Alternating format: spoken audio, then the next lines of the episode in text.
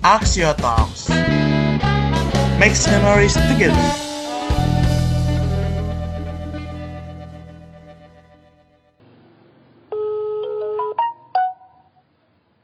Ya, selamat siang, pagi. Halo, selamat pagi Pak. Ya, Nah, eh, perkenalkan kembali Pak, saya TB dari Teknik Sipil UI Angkatan 2020. Nah, iya, iya. sebelumnya saya ingin bertanya dulu Pak, Eh, Bapak ini eh, pekerjaannya apa ya Pak? Saya di security sih. Oh, di security. Iya, iya. Terus apa yang bisa saya bantu nih? Nah, sebenarnya Bapak tinggal di mana ya Pak? Kalau saya di Kukusan di Sinda 3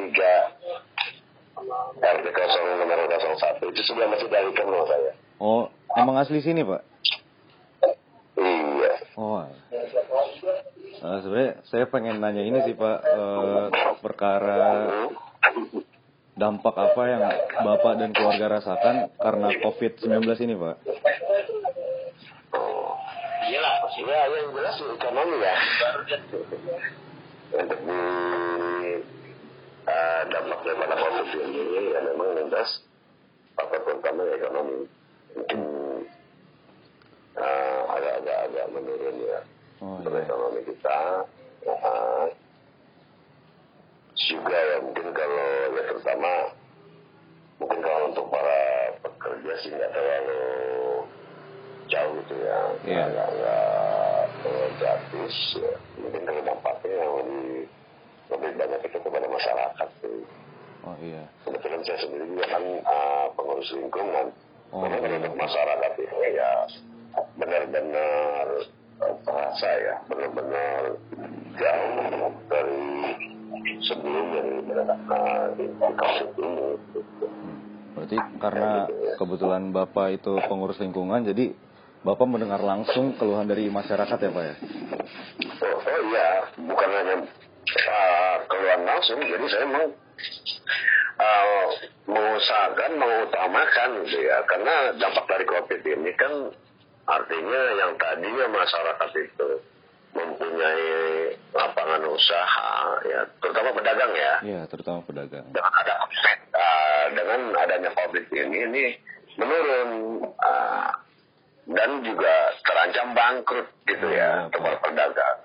Iya, kenapa? Karena memang aset terbesar itu kan dari mahasiswa. Oh iya Pak. Kalau untuk untuk pedagang-pedagang yang ada di lingkungan kita ya, Hmm, gitu. iya. Nah, satu itu kena dampak COVID, mahasiswanya juga libur. Ya kalau kita kita lihat sudah cukup lama ya hampir sudah hampir di antara 6 sampai 7 bulan ini gitu kan. Iya. Gitu. Ah, jadi drop gitu. Collab lah usaha mereka. Nah, di situ nah kita ah, mem- apa ah, mengantisipasi kekolepan itu kan banyak juga yang putus kerja Iya. ada juga yang dirumahkan kan gitu kan Iya Pak. akibat daripada dampak ini ya tetap namanya masyarakat itu kan ya harus butuh perekonomiannya jadi saya berusaha untuk mengapel jangan sampai masyarakat itu artinya kolab eh, tidak makan seperti itu Nah, dengan usaha pembentukan posko COVID yang ada di masyarakat, kita cari donasi, kita berikan kepada mereka, terutama uh, artinya orang yang uh, putus kerja dan uh, tidak bisa usaha seperti itu. Hmm. Itu yang kita utamakan. Iya. Kalau yang masih kerja, ini kita nom ini kita nomor dua kan seperti itu karena mereka masih mempunyai penghasilan gitu Iya. ya.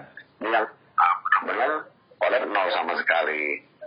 Nah, setelah kita adakan pembentukan posko ya. untuk antisipasi uh, itu nah, baru uh, bantuan dari uh, pemerintah Banpres lah dalam hal ini ya. Ada Banpres ada dari Kemens Hmm. tos ada dari provinsi. Nah itu kita atur di masyarakat. Iya gitu Pak. ya terutama ya kita utamakan itu tadi Ah, karena memang nilai daripada bantuan itu kan nggak nggak 100% harus menutupi masyarakat. Iya. gitu ya. Jadi kita kita utamakan masyarakat yang membutuhkan yang tidak mempunyai pekerjaan dan juga dan juga tidak bisa usaha. Itu kita kita utamakan. Seperti itu. Iya, Pak. Nah yang masih mempunyai pekerjaan ya yang masih bekerja. Apalagi seperti saya. Itu ya jadi kita, kita, kita tidak bisa berikan jadi kita memang betul-betul kepada orang yang quality alhamdulillah gitu ya. Mm. Nah, di samping ada bantuan-bantuan tersebut ya ada kita bisa mengatur waktu uh, spare waktu lah ya. Nah di, di sisi keterlambatan bantuan ya yang dari posko lingkungan ini ya kita berikan kembali gitu. Jadi ada ada jeda untuk pemberiannya seperti Iya. itu. Nah, agar mereka itu dapat bertahan hidup Mm. di di masyarakat dan keluarganya seperti itu mas. Gitu Tapi ya. untuk dari Karena Bapak kita kita sendiri, nggak pikirin. Ya. kenapa Pak? Hah? Kenapa Pak? Gimana? Eh, Ya kalau untuk Bapak, saya sendiri justru kita tidak begitu kita tidak memikirkan hal itu iya Pak, untuk pribadi ya. iya. Nah, Berarti kan untuk dari Bapak saya- pribadi, Bapak tidak terlalu memikirkan itu.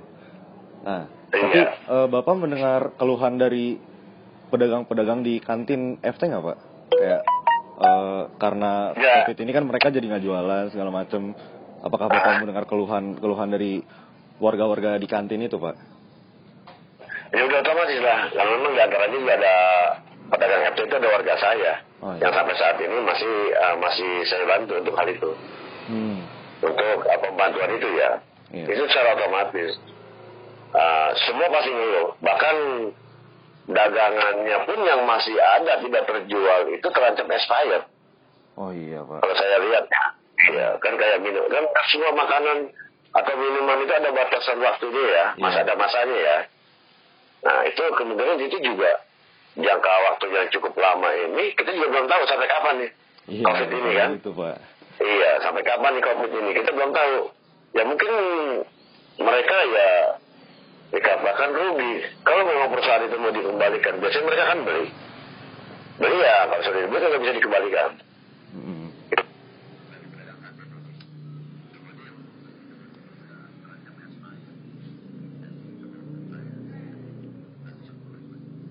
Jualkan lagi. Apabila nanti kondisi sudah normal dan mereka dagang kembali, ya itu terutama mereka harus mempunyai modal utama kembali.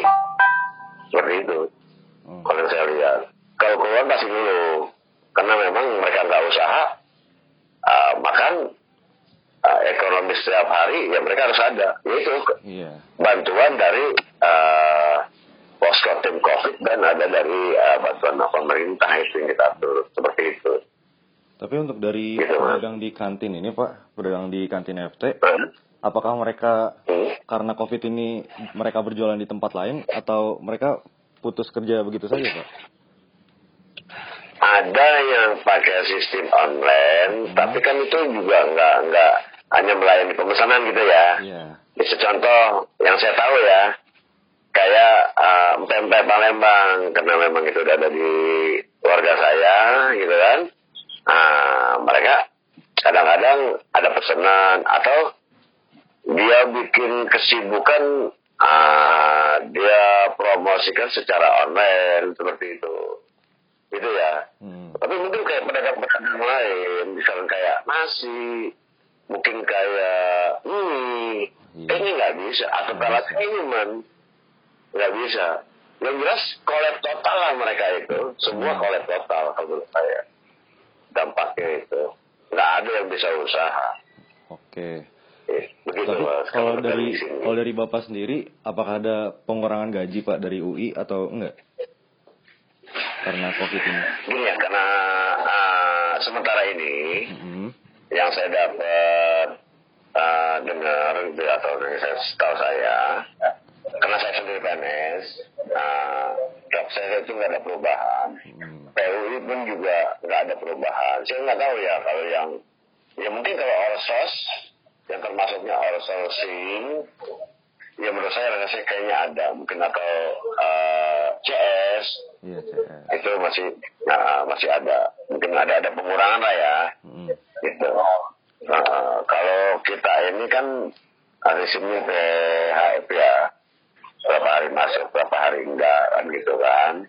Sehingga nggak tahu sistem mereka apakah di dalam libur itu mereka ditanggung atau memang itu saya nggak tahu. Tapi karena saya ini masuknya normal, Iya, masih jadi keamanan saya masuknya normal, iya. Hmm. Jadi saya antar dari Senin sampai Jumat. Nah, saya full. Jadi ya menurut saya mungkin nggak nggak nggak terlalu nggak nggak ada lah ya untuk pengurangan hak saya karena saya masuk kan gitu ya. Iya. Itu seperti itu. Pak. Eh, terima kasih ya Pak atas waktunya. Sebenarnya bisa eh, menyalakan video sebentar nggak Pak untuk foto aja sih dokumentasi. Axio Talks. Terima kasih telah mendengarkan podcast kita. Yeay, makasih.